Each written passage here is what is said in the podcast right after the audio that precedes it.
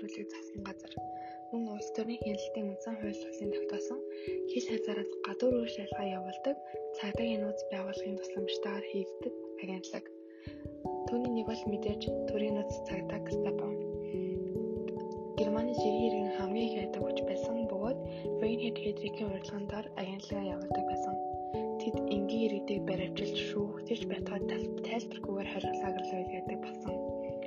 Орчин үеийн судалгаагаар Германчууд Гестапо байгаас илүү хүчтэй болсон гэж нотлогдсон. Үүний үр дүнд Гестапо нар олж мэдэх гэсэн зүйлээ ямар ч хаалтгүйгээр олж мэддэг болсон.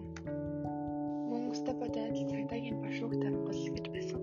Орон нутгийн цагдаагийн байгууллагын шин одоо шилдэг ажлын байрыг Кемберт тайлгнах өдөр өндөр зэрэглэлийн нацистуудад өгсөн.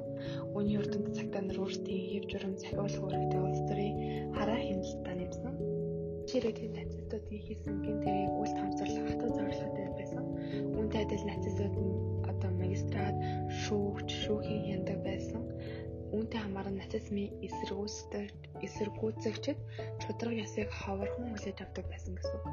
Цагдаа шүүхэн нацистуудыг дэмжихэд туссан. Үйл ажиллагаа нь ДСС. СС нь 1925 онд Гитлерийн өмнөж Фанидас байгуулагдсан байгууламж 1984 онд СА-г бараг одоо устгасны дараа олон янзын үр хүлээлгэсэн асар том байгууламж болон өргөцсөн. СС хамаагүй илүү үүнийг Генри Гимплер удирдах байсан.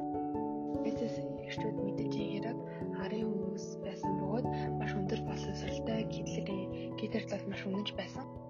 Гимплерийн үед болохоор СС-ийн нацизмыг эсэргүүцэж айрсангаар ялгуулсан гадуурхтай байсан.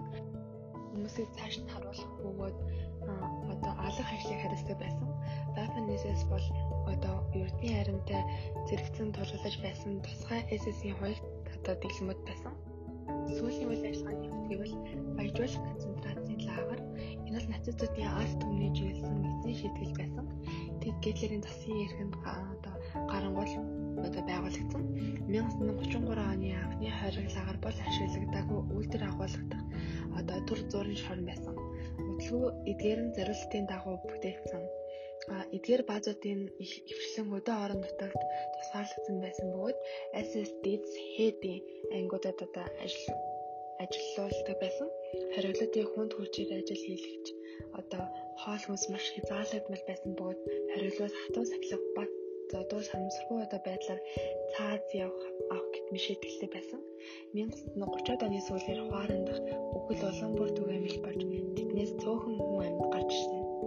Еврейчүүд социалистууд, коммунистууд, үйл өчний эвлийн гишүүд, сүм, хойд болон бусад одоо нацистуудын шүүмжлэл зэрэгтэй бүх хүмүүс тэнд